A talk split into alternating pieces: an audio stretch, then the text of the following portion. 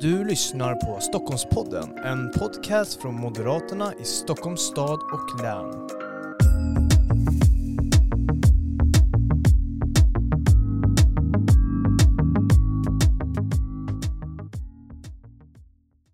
Ja, varmt välkomna till ännu ett avsnitt av Stockholmspodden.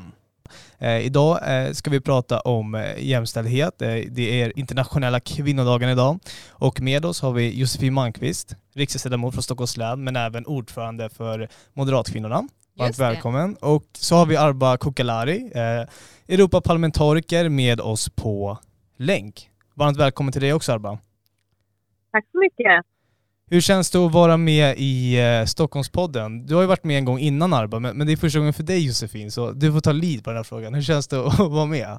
Ja, men det känns ju fantastiskt roligt, så spännande och vilket roligt initiativ. Jag tycker det här känns helt lysande inför valrörelsen också, att vi får testa lite nya kanaler och sätt att kommunicera. Mm. Och, och Arba, hur, hur känner du? Du har ju varit med en gång innan, men eh, är du revanschsugen från förra gången? Nej, men Jag fick en lite mer smak från förra gången. Det var ju väldigt roligt att eh, samtala med dig och Thomas. Så att jag ser fram emot att få prata jämställdhet med dig och Josefin den här gången. Och eh, en, en rolig aktivitet också för våra medlemmar när man inte kan ses fysiskt. Mm. Precis, och idag är det ju internationella kvinnodagen och den har ju sina rötter i arbetarrörelsen och egentligen kvinnors kamp för lika rättigheter. Men jag skulle vilja slänga ut frågan, vad betyder den här dagen för er? Vi kan börja med dig Josefin. Ja, men man kan ju tycka att det är förlegat att vi idag på 2020-talet fortfarande behöver en dag om året att prata om kvinnors rättigheter. Och det är ju också ganska sorgligt tycker jag att vi i delar inte har kommit längre.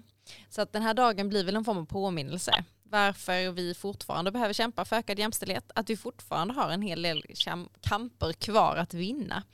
Eh, Sen tar det såklart uttryck på olika sätt, men jag tycker att det är ändå en årlig påminnelse om att vi har mer kvar att göra. Mm. Och eh, Arba, jag tänkte, du befinner dig på den internationella nivån. Eh, vad skulle du säga att, att kvinnodagen behövs eh, fortfarande idag?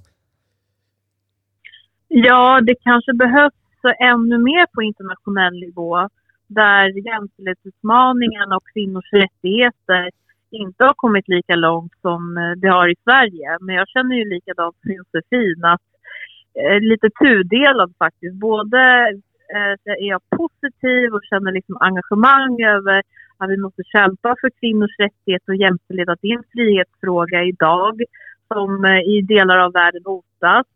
Men samtidigt känner jag också en liten suck över att ah, okej, men okej, alla andra 364 dagar om året då, eh, är inte de också lika viktiga för jämställdheten? Så att eh, ja, nej, men det, det är ändå trots allt viktigt att uppmärksamma och inte minst, inte minst internationellt eh, skulle jag säga. Mm. Och utveckling har ju verkligen gått framåt. Det var väl i år, det var 100 år sedan kvinnlig rösträtt. Kolla på dig Josefin, visst stämmer yes, det? det stämmer. Beslutet fattades för 100 år sedan. Ja, så att utveckling har ju verkligen gått framåt. Eh, Men skulle ni säga att den har på något sätt saktats ner eller stannat av på, på den senaste tiden? Mm.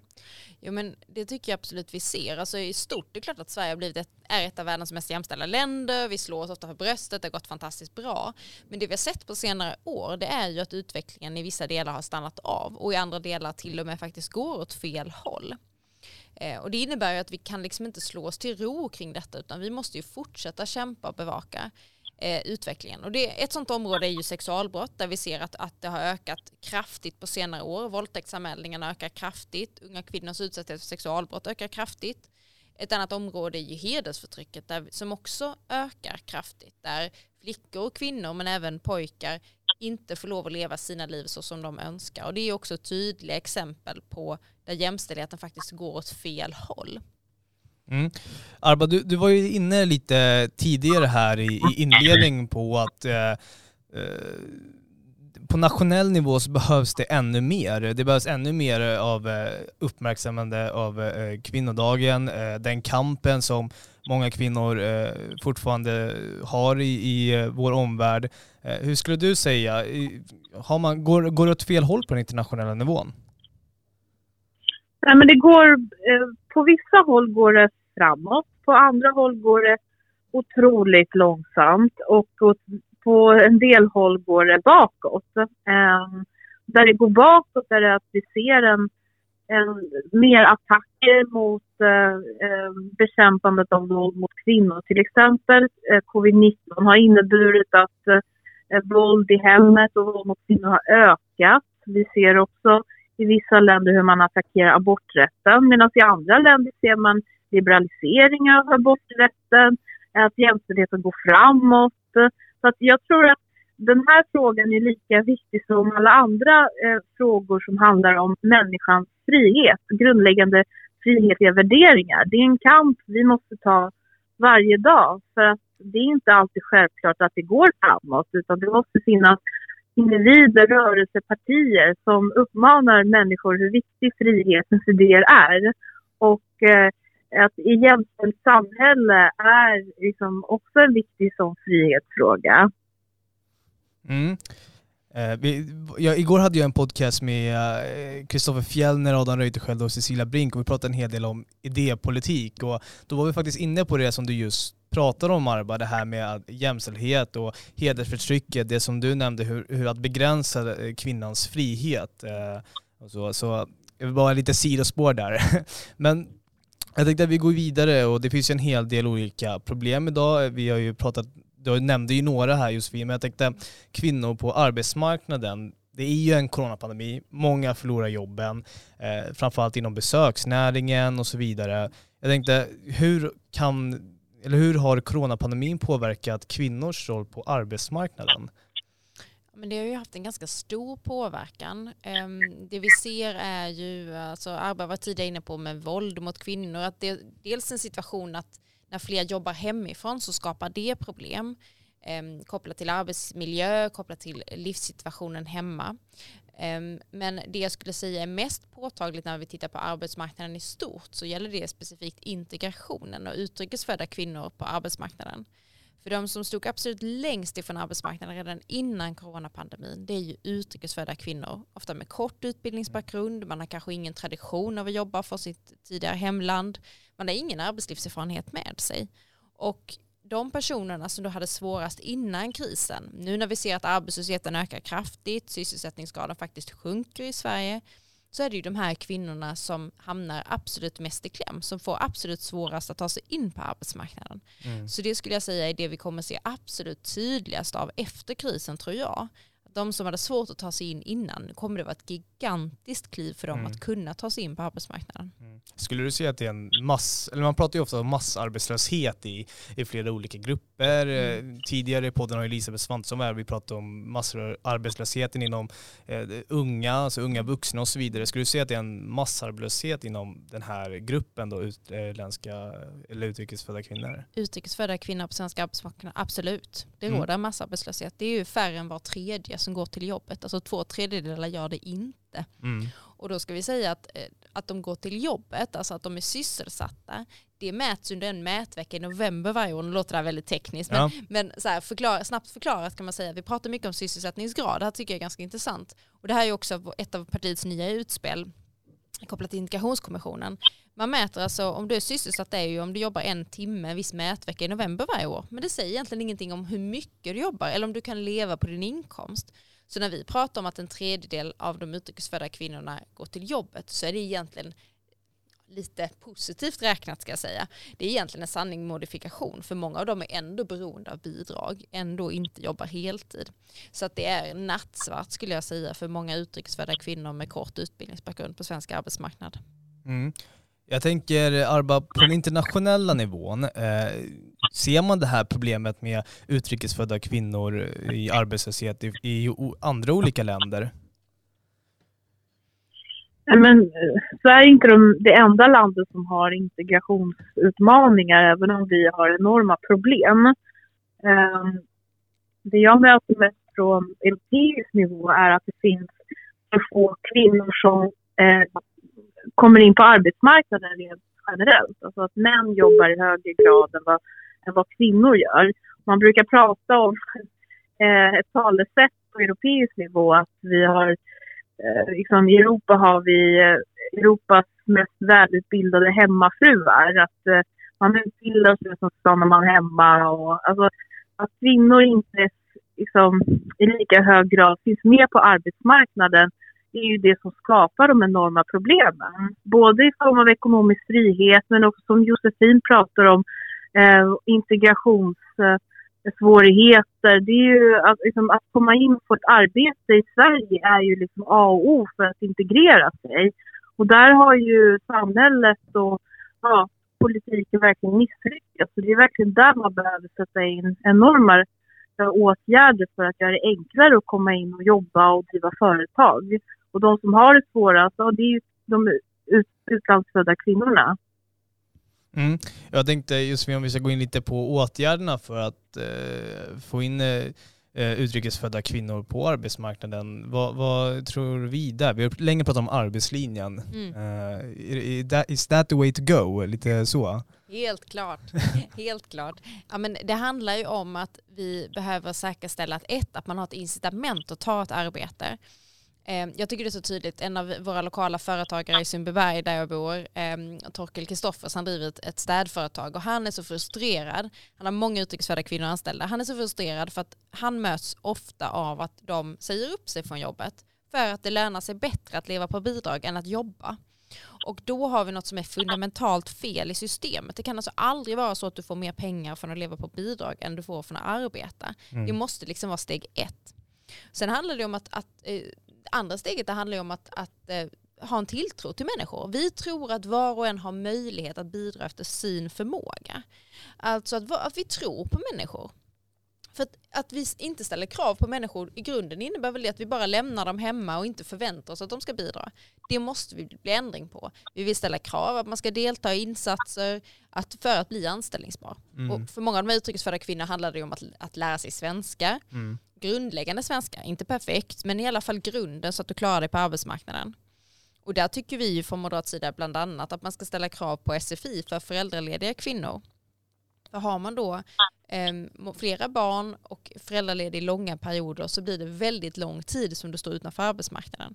Idag finns det ju massa tekniska lösningar, appar i telefonen mm. där du kan följa och lära dig svenska själv hemma. Den här typen av lösningar måste vi i större utsträckning ställa krav på och använda.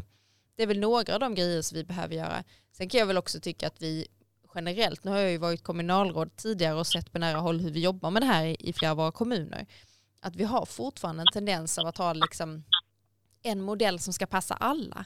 Och så ser det inte ut. Alltså vi måste ha mer individanpassade lösningar. Utgå från var, varje kvinna. Okej, vad behöver du för att bli anställningsbar? Det kanske är en praktikplats på ett äldreboende kombinerat med SFI som just du behöver. Så att en palett, bidrags, eller bidragstak så att det alltid lönar sig mer att arbeta mm. än att gå på bidrag.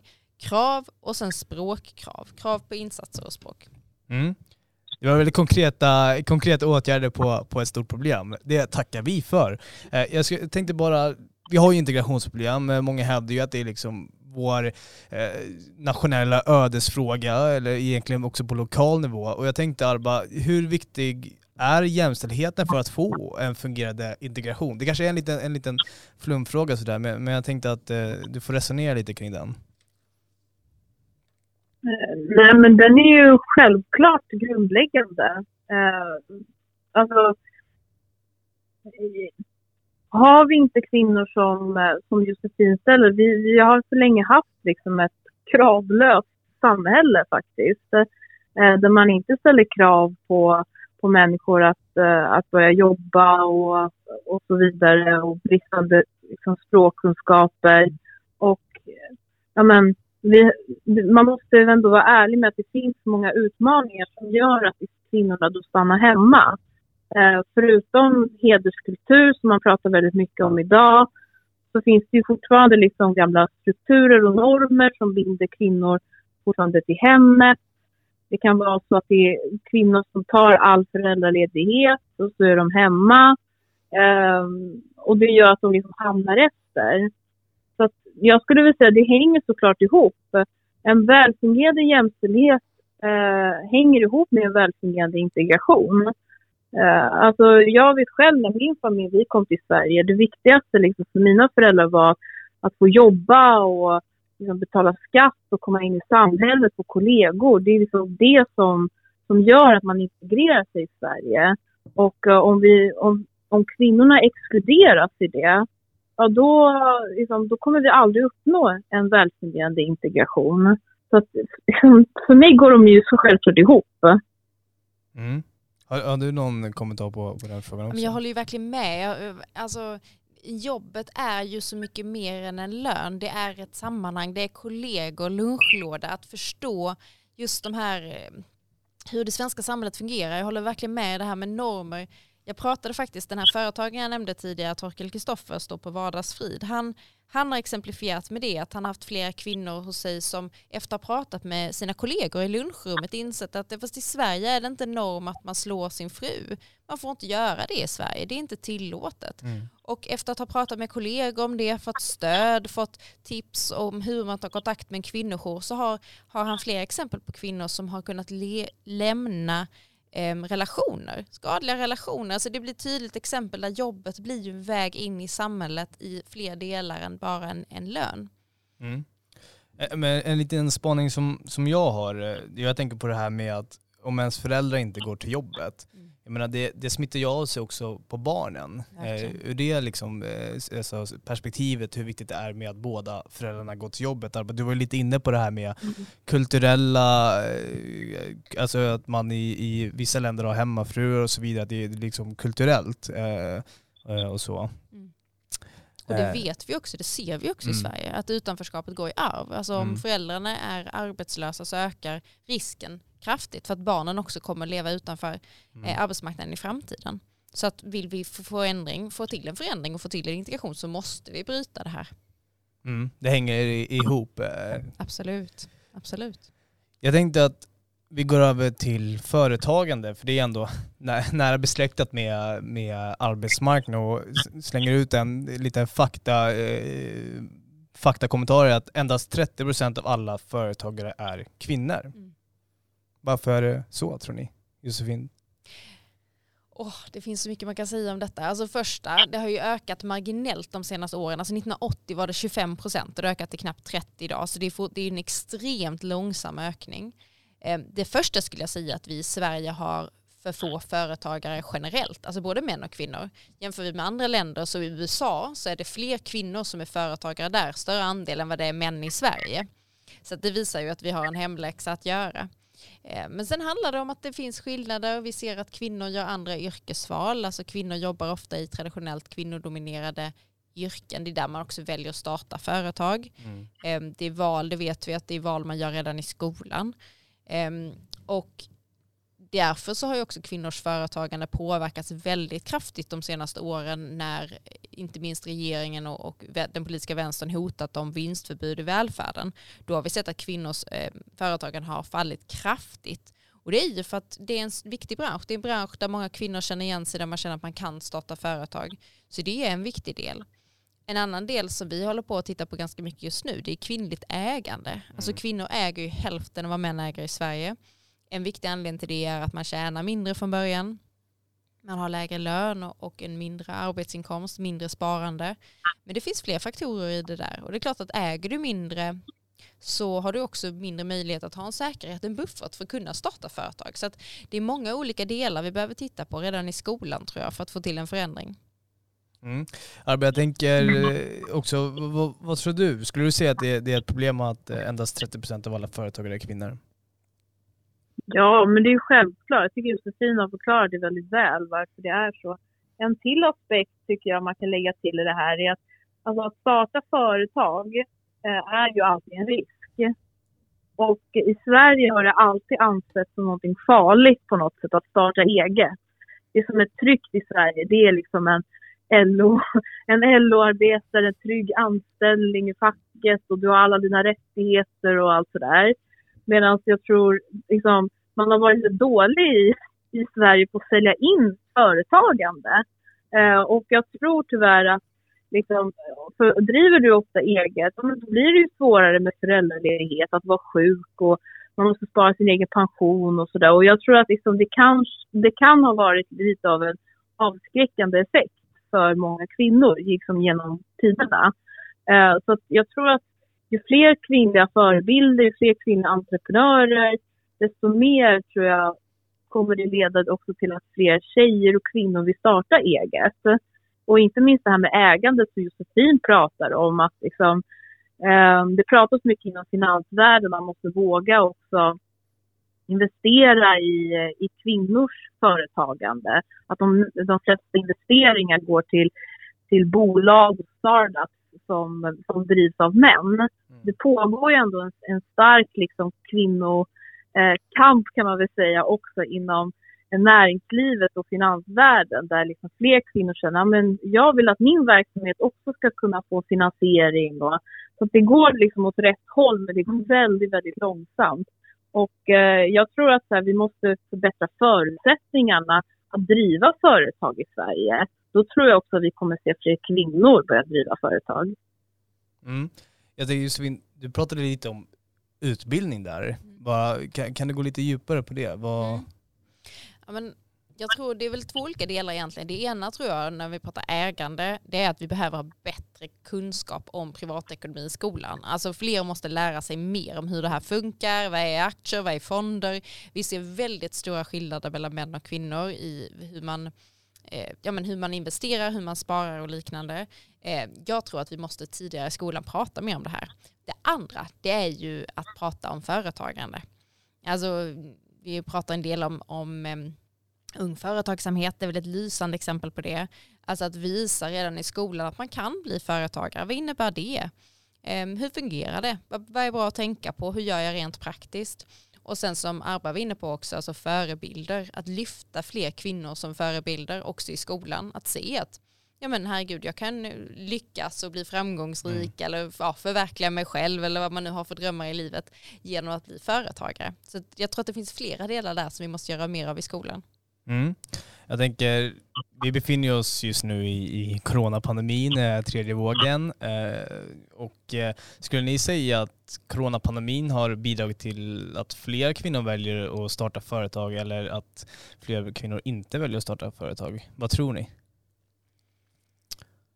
Kör ja, Josefin. Vi, det får väl återstå och se lite grann men jag är, också, jag är lite rädd för att det får en, en negativ effekt på företagandet i stort i Sverige. Mm. Alltså en del av det handlar ju om det vi ägnar oss åt i riksdagen. Alltså, eh, och där ju vi med Elisabeth Svantesson i spetsen har drivit regeringen framför oss med krisstöd också till eh, de som driver till exempel enskild firma, vilket ju en högre andel kvinnor väljer att göra.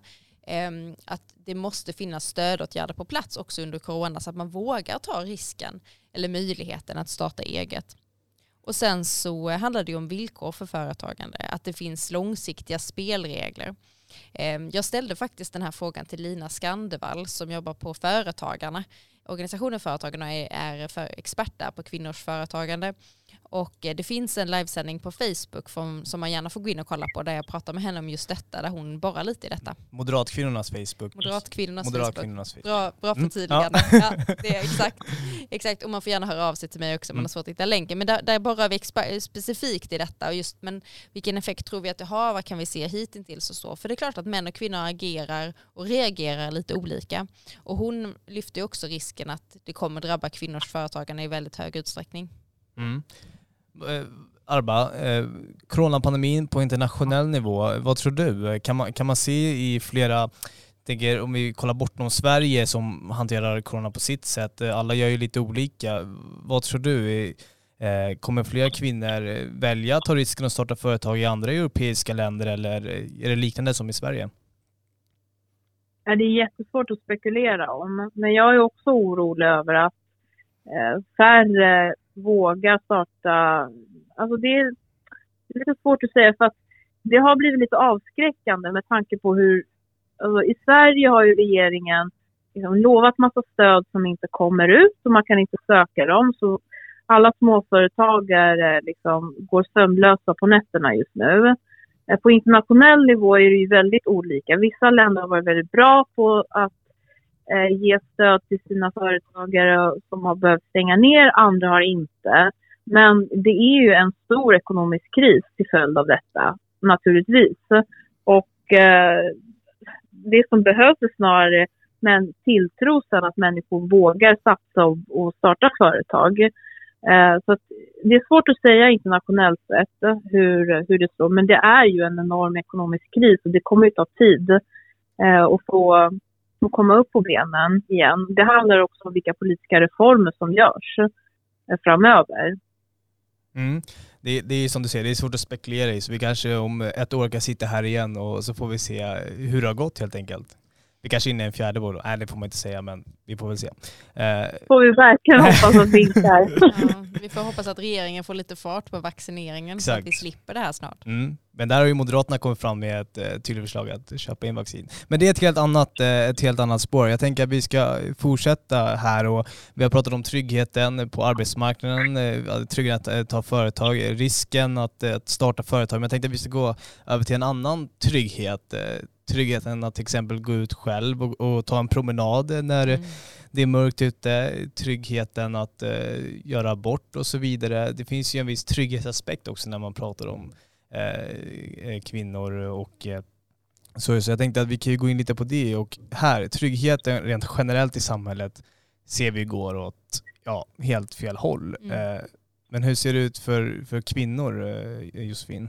Ja men det ser tyvärr nattsvart ut. Alltså vi ser att unga kvinnors utsatthet för sexualbrott, alltså när man ställer frågan, mm. har du utsatts för sexualbrott? Det har alltså ökat med 360 procent sedan Stefan Löfven blev statsminister. 360 procent! Det är helt ofattbart. Alltså nästan hälften av de unga kvinnorna säger att man väljer en annan färdväg eller ett annat färdsätt för att mm. man är mm. orolig för att utsättas för brott. Alltså man drar sig från att gå ut och jogga på kvällen, gå till gymmet när det är mörkt, eh, att ta en promenad i sitt eget bostadsområde på kvällen. Och det här är ju en enorm inskränkning i deras frihet. Möjlighet att röra sig själv i samhället och fatta beslut om sitt eget liv. Alltså någonstans så hade jag förväntat mig när man tittar på de här siffrorna, det är nästan ofattbart, man förväntar sig att det är liksom demonstrationer på gator och torg. Mm. Men någonstans har vi liksom vant oss vid de här helt horribla siffrorna. Det borde vara självklart att man ska kunna gå ut på kvällen i sitt eget bostadsområde. Mm. Så att, nej, jag skulle säga att det har hänt väldigt, väldigt mycket här tyvärr och det går åt helt fel håll. Inte minst när det gäller sexualbrott som har ökat kraftigt. Mm. Jag, Tänkte, Arba, du, du, får komma in här också eh, kommentera. V vad tycker du? Går utvecklingen åt, åt eh, rätt håll internationellt? Eh, kan man se vissa länder som verkligen tar tag i det här med eh, kvinnors eh, trygghet och, och, den oron som finns? Jag har inte sett statistik på just våldsbrott och otrygghet bland kvinnor, men jag har också blivit helt förtvivlad när jag har sett de här siffrorna som Josefin pratar om. Det man däremot kan se är hur tryggheten har påverkats av coronapandemin. Både i Sverige och internationellt. Eh, liksom I Sverige så ser vi ju en ökad, eh, liksom, eh, ökade anmälningar av våld i hemmet, kvinnomisshandel, eh, fler orosanmälningar eh, om barn som far illa har ökat. Eh, vi ser också, liksom, WHO rapporterade liksom, tidigt under coronapandemin att liksom samtal till hjälplinjer har ökat i Europa med 60 procent. Så att vi ser en ökad otrygghet eh, i hemmen, eh, våld i hemmen, både i Sverige, globalt och i Europa. Och eh, det är ju otroligt viktigt att liksom, vi har myndigheter som tar de här vålden, de här brotten på allvar och utreder dem. För det var problemet innan coronapandemin att den här typen av brott inte utreds eller tas på allvar. Det finns för få kunskaper inom eh, polismyndigheter till exempel. Mm. Jag tänkte där Josefin, på den nationella nivån, eh, du sitter ju i riksdagen, vad gör, eh, vi vet ju att regeringen inte tar det här mm. på allvar, eh, men, men vad gör vi moderater? Men vi driver ju regeringen framför oss i de här frågorna. Eh, och tyvärr, och det är lite frustrerande, mm. verktyget som riksdagen har det är ju tillkännagivanden som det kallas för. Det är riksdagen röstar ner regeringen, vi kör över regeringen. Men, och det har vi gjort i område efter område efter område, gång på gång på gång. Vi vill skärpa straffen för våldtäkt, vi vill införa nya brottsrubriceringar. Vi, alltså ni vet, det är lång rad, vi vill ta bort straffrabatterna och så vidare. Ni kan det här, men ändå händer det väldigt, väldigt lite. Eh, politiken är tydlig. Alltså vad, vad är det som behövs? Ja men det behövs en skärpta straff har en avskräckande effekt.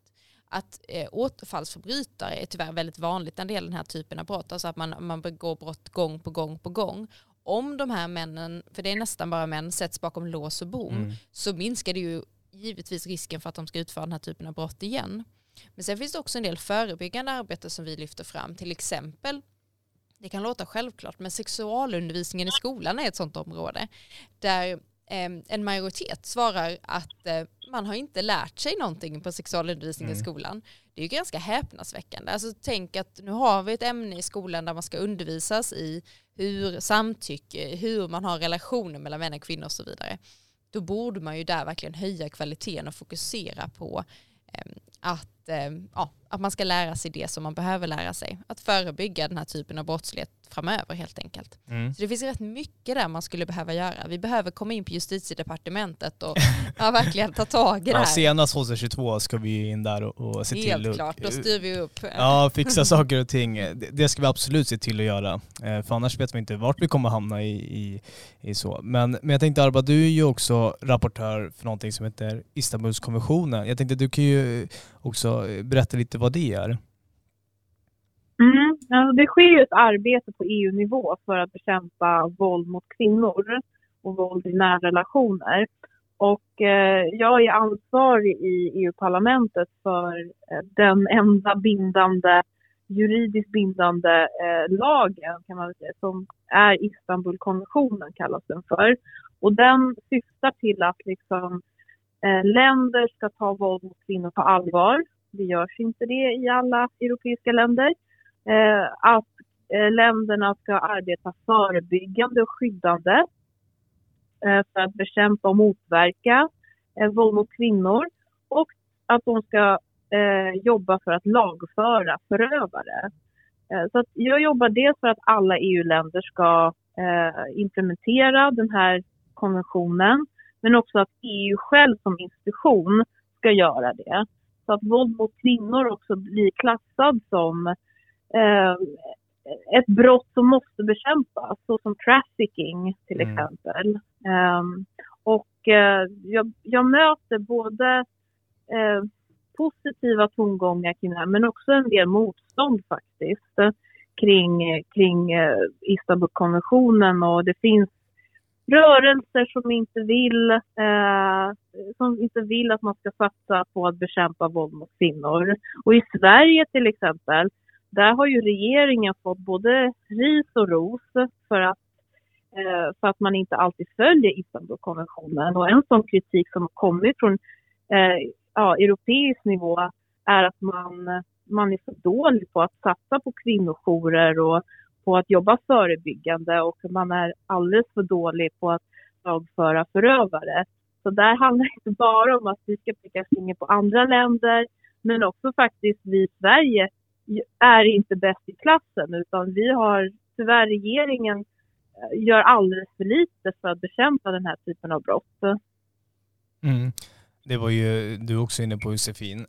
Jag tänkte att, eh, Arba, du, du pratade där om att vissa länder inte tar seriöst på, på kvinnors eh, otrygghet.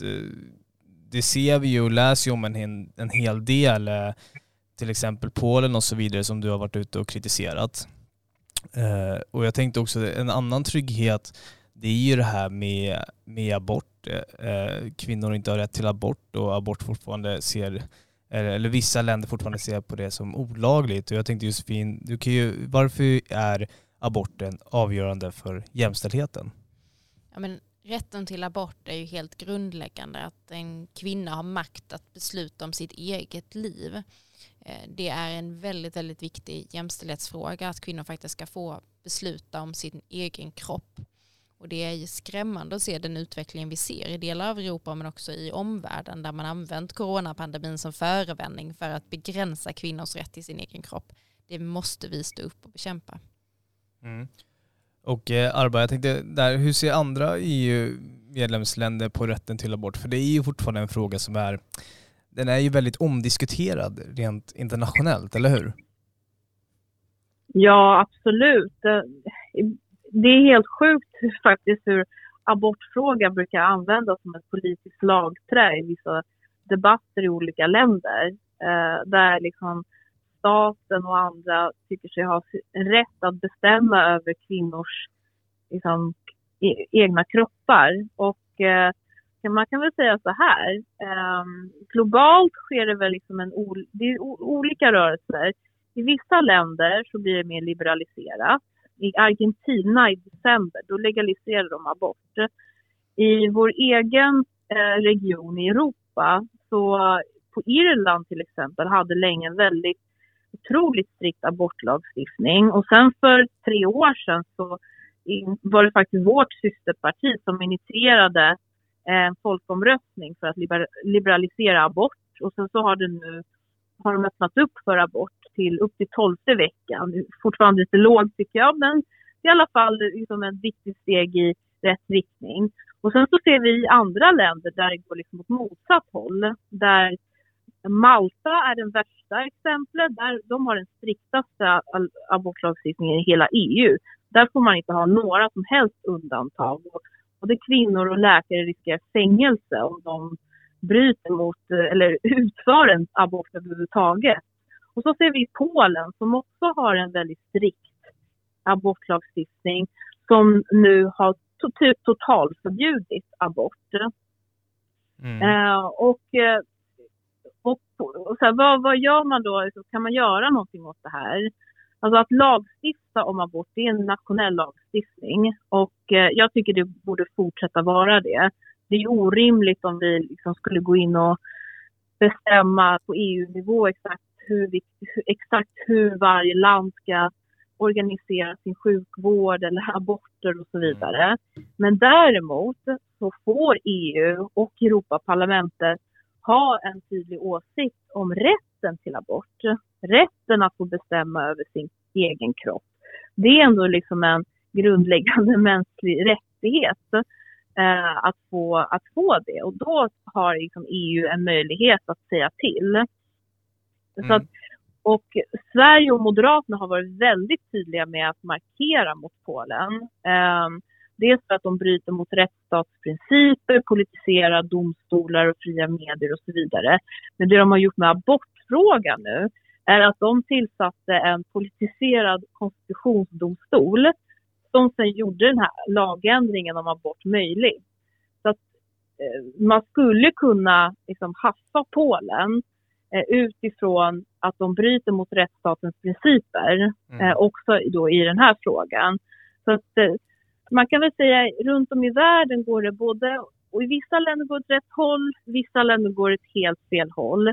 Men både abortfrågan och frågan om våld mot kvinnor på europeisk nivå, där finns det rörelse, jag kan se det, som ofta också drivs av desinformation, ryska trollfabriker som försöker påverka opinionen i vissa länder om att bli mer restriktiv kring abortfrågor och att kampen mot våld mot kvinnor handlar liksom om helt, de försöker skapa myter om det. Och det tycker jag man ska ta på allvar. Det är någonting som liksom, vi måste bekämpa, den typen av åsikter och rörelser. Mm. Vi fortsätter bara bort spåret och, och just vid, Arba sa ju här att, att Sverige och Moderaterna har markerat tydligt mot Polen, men någonting som Moderaterna har gjort som är väldigt eh, högaktuellt får man väl säga, det var väl nu i veckan som ni eh, kom mm. ut med en artikel om en moderniserad eh, aborträtt, visst var det så? Eller abortlagstiftning. Ja, och, och jag tänkte att du kan ju djupa lite i det där. Mm. Ja, men gärna. Alltså, vi ser ju att svensk abortlagstiftning, när den kom till för 45 år sedan, så genomfördes alla aborter med, som kirurgiska ingrepp. Men sedan dess så har ju medicinska framsteg, utveckling skett och idag sker nio av tio aborter rent eh, medicinskt, alltså med en tablett helt enkelt. Du sväljer medicin så, som sätter igång aborten och det gör ju att, att lagstiftningen måste ju hänga med. Och idag står det inskrivet i lagstiftningen att det här måste utföras på ett sjukhus. Det menar vi är föråldrat. Eh, I flera andra länder, inte minst nu i ljuset av coronapandemin, så har man aktualiserat den här frågan och sagt att ja, fast för många kvinnor så skulle det faktiskt vara tryggare att få utföra en abort i hemmet om man vill ska vi säga för det här handlar ju mm. om valmöjligheten, valfrihet för kvinnan. Om man tycker det är tryggare att göra det i hemmet så ska man ha den möjligheten. Och därför vill vi förändra lagstiftningen i Sverige, modernisera den så att det går att utföra i hemmet. Vi vill också se över tidsgränserna, alltså tidsgaranti för abort. Idag ser vi att köerna är på tok för långa, eller faktiskt är det så här att det är ingen som ens har mätt köerna inom abort i Sverige sedan alliansregeringen gjorde det 2007. Så vi vet inte ens riktigt hur långa köerna är sammantaget. Mm. Det vill vi ta reda på och så vill vi införa en tidsgaranti så att det ska gå fortare att göra det här. Ehm, för att helt enkelt säkerställa rätten till att få en abort tryggt utfört i Sverige. Det är fantastiskt roligt att se vilka positiva gensvar vi har fått för det här förslaget. Eh, både från professionen men också från andra politiska partier som tycker att det här är ett viktigt steg framåt för kvinnors rättigheter i Sverige. Så att jag ser fram emot att få fortsätta strida för den här frågan också i riksdagen, se till att det här kan bli verklighet. Det tror jag hade varit bra. Ja, men det tror vi också och det kommer säkert bli verklighet. Vi, vi håller tummarna. Eh, jag tänkte att eh, med det sagt, det sätter punkt för den här podcasten och jag skulle vilja tacka er för att ni, ni kommer vara med här eh, på internationella kvinnodagen. Stort tack Arba Kokalari, Europaparlamentariker, på länk och det funkade ju jättebra, eller hur? Ja, vi måste utnyttja digitaliseringsmöjligheter. ja, precis så. Eh, stort tack Arba för att du var med ännu en gång och stort tack Josefin för att du valde att komma hit idag. Stort tack. Med det sagt eh, får jag önska er en fortsatt trevlig måndag och önska er en trevlig fortsatt ny vecka. Tack så mycket. Hej då.